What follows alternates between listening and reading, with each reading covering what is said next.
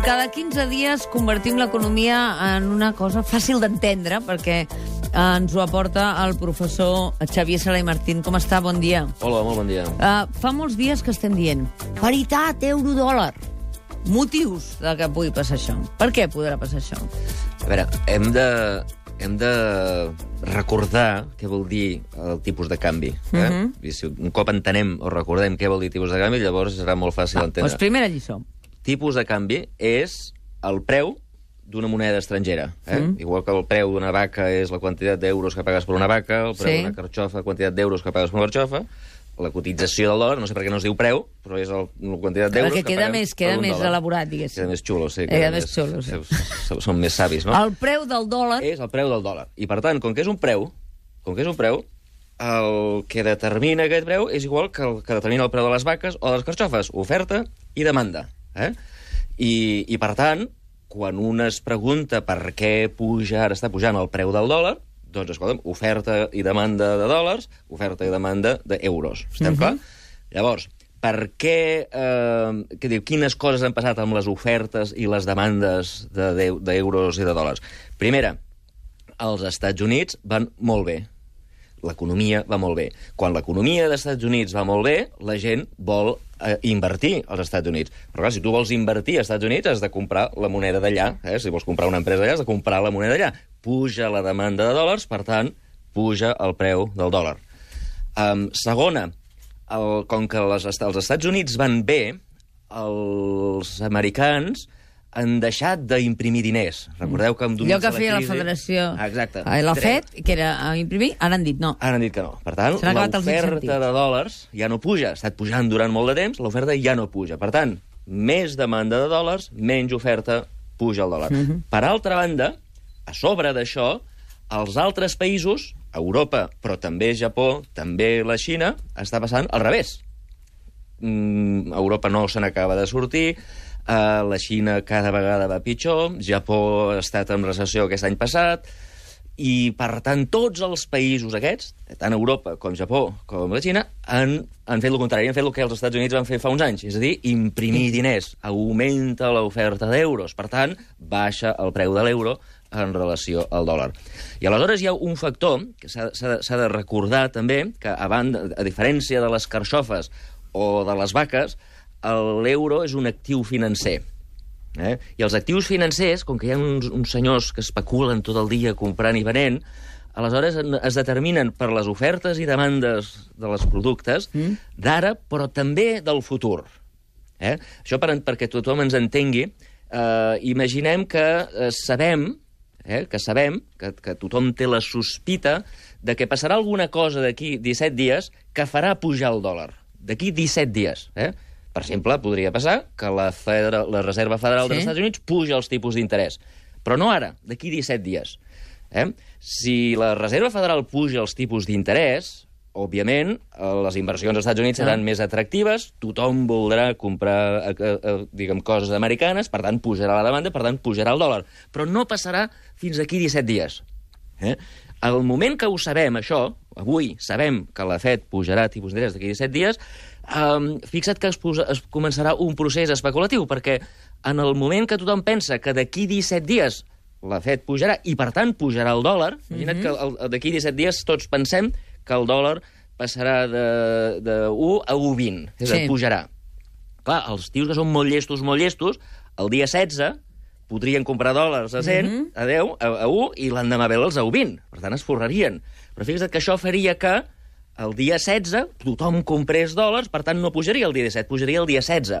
Però llavors hi havia algú que seria encara més llest, que diria... Jo faré el dia 15. Jo daré el dia 15. I després un altre tio que seria molt més llest, que diria el dia 14, el dia 13, el dia...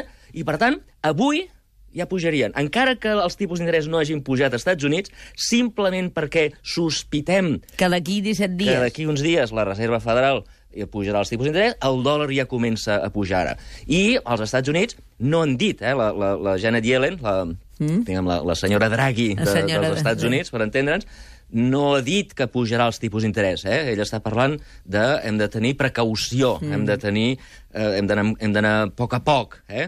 Això vol dir que la reunió d'avui no pujaran tipus d'interès, però mm, potser la propera sí, potser d'aquí dues reunions sí. És a dir, tothom sap que En algun moment, aviat, pujaran tipus d'interès, però, com acabo d'explicar, encara que això no hagi passat, simplement perquè esperem que això passi en algun moment proper, això també contribueix a fer pujar el dòlar. Per tant, no és matemàtic que hi hagi d'haver paritat entre euro i dòlar. No, no en tenim la seguretat 100% ni sabem el moment en què arribarà No. això.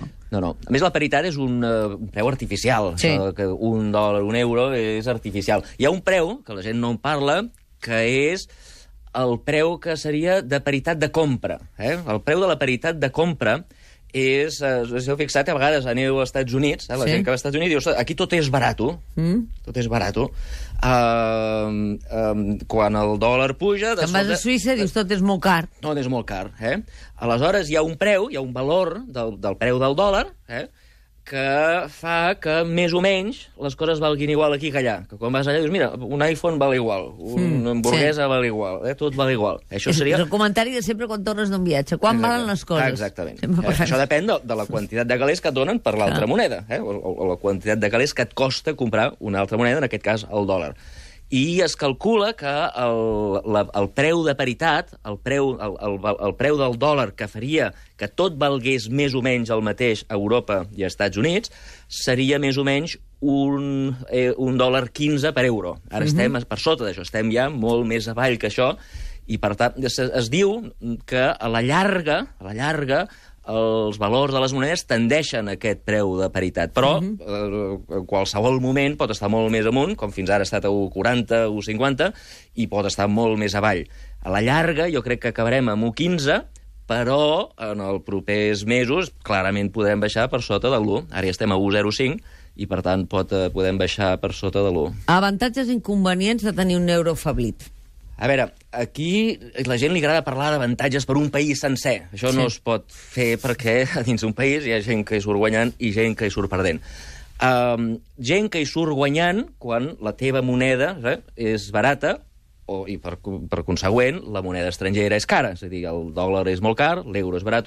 Quan l'euro és barat, els productes que els estrangers compren en euros són més barats. Eh? Els americans els surt molt més barat, per exemple, venir de vacances aquí, els és més barat comprar productes europeus. Per tant, pel sector del turisme, bé. Exacte. Per tant, sector turisme, Contents. sectors de- d'exportació, de, totes les empreses que puguin vendre a, a, a, a llocs on es fa servir el dòlar, per exemple, als Estats Units, però també en molts països asiàtics o d'Amèrica Llatina, doncs, eh, clar, exportació molt bé, perquè en el fons és, diguem, el ser més barat, eh, podràs vendre més productes, eh, això portarà a que contractis més gent, eh, per tant, molts treballadors aturats hi sortiran guanyant, i per això molta gent es posa contenta pel fet de que l'euro sigui barat i el dòlar sigui car.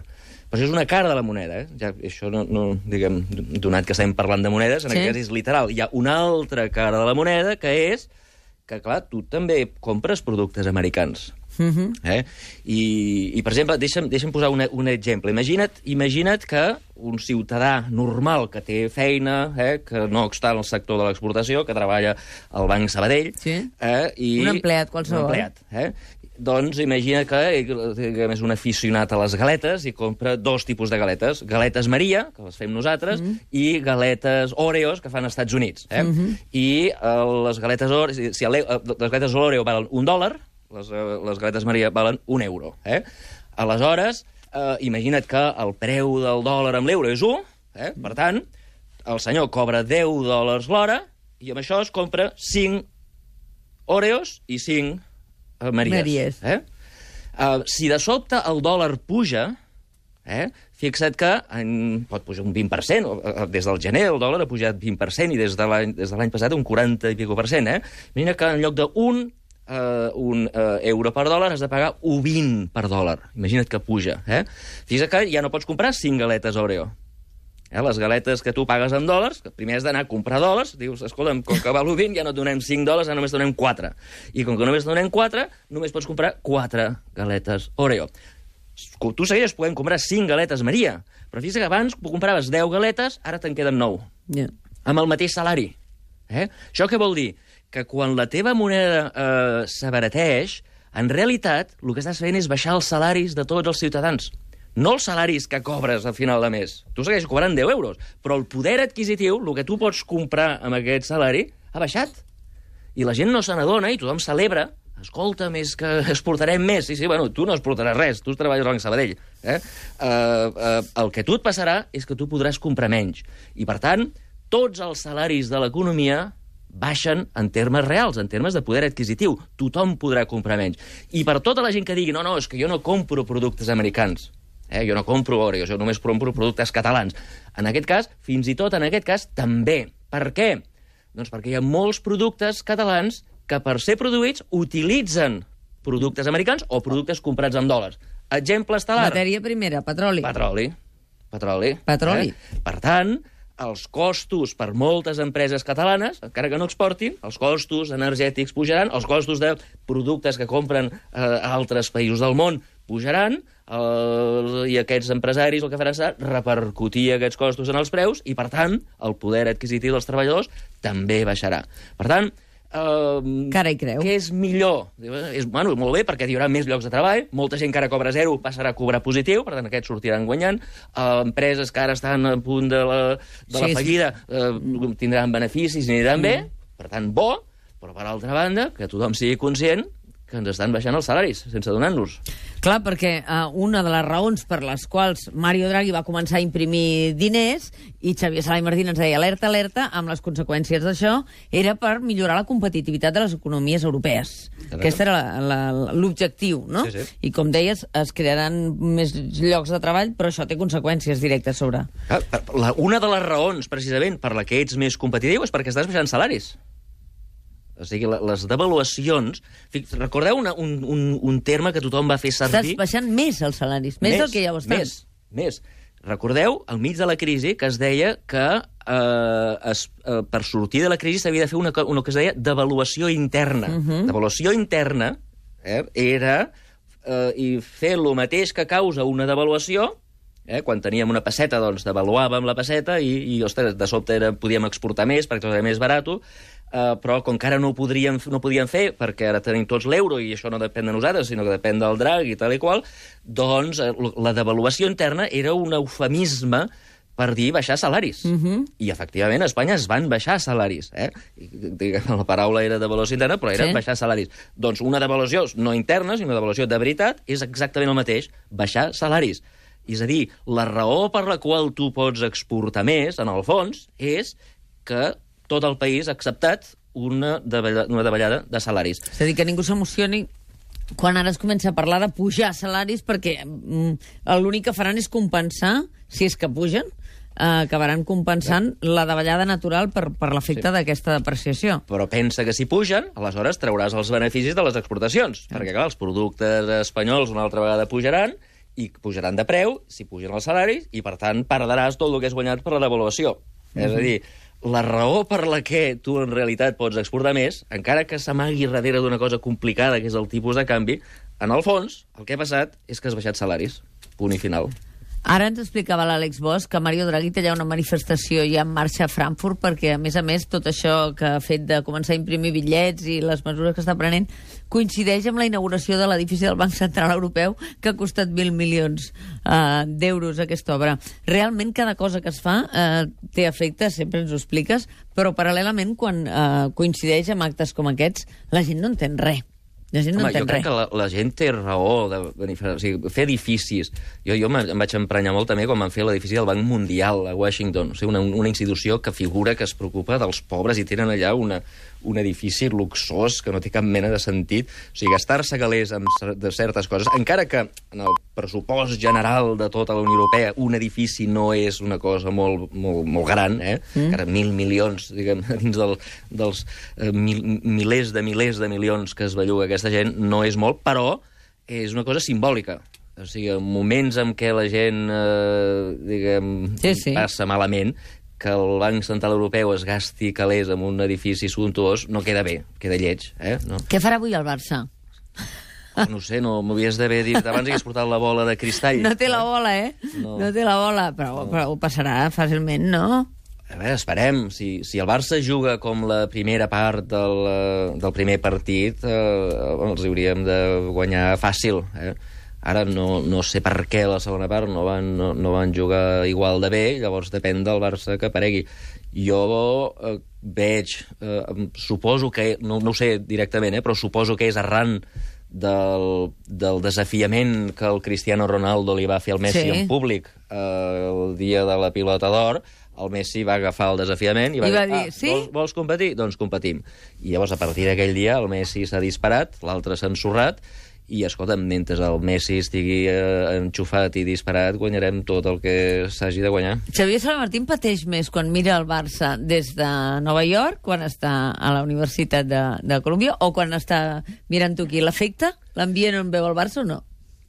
A veure, si el miro per la tele Sí. aquí és el mateix, eh? perquè allà, allà ara, fa uns anys no, però ara eh, el, el Barça es dona en obert, es dona en directe, es Sí, dona, es dona sí. a la tele als Estats Units i no hem d'estar allò amb el Puyal o anant als bars... Els, Oh, hem d'estar amb el Puyal sempre, vull dir, hem d'estar Sí. amb la TDP connectats. Això ho ha de fer igual. Bueno, allà és complicat perquè com que ho has de fer per internet arriba amb diversos minuts de retard i llavors és complicat posar la tele i escoltar, I el escoltar Puyal. la ràdio. Aquí sí que ho pots fer directe. Uh, I aquí, a més, ara al camp ho pots escoltar i ho sents... Sí, sí, ho han, sí, sí, han sí, posat al han 92.5, si vas al camp, Sí. i sents la TDP molt eh, sincronitzada. Aquesta, Això està molt bé perquè és, és una mica empipador allò, el, Allò que- el retard aquell. Sí. Xavier Sala i Martín, moltes gràcies. Fins aquí 15 dies. Moltes gràcies a vosaltres. Gràcies.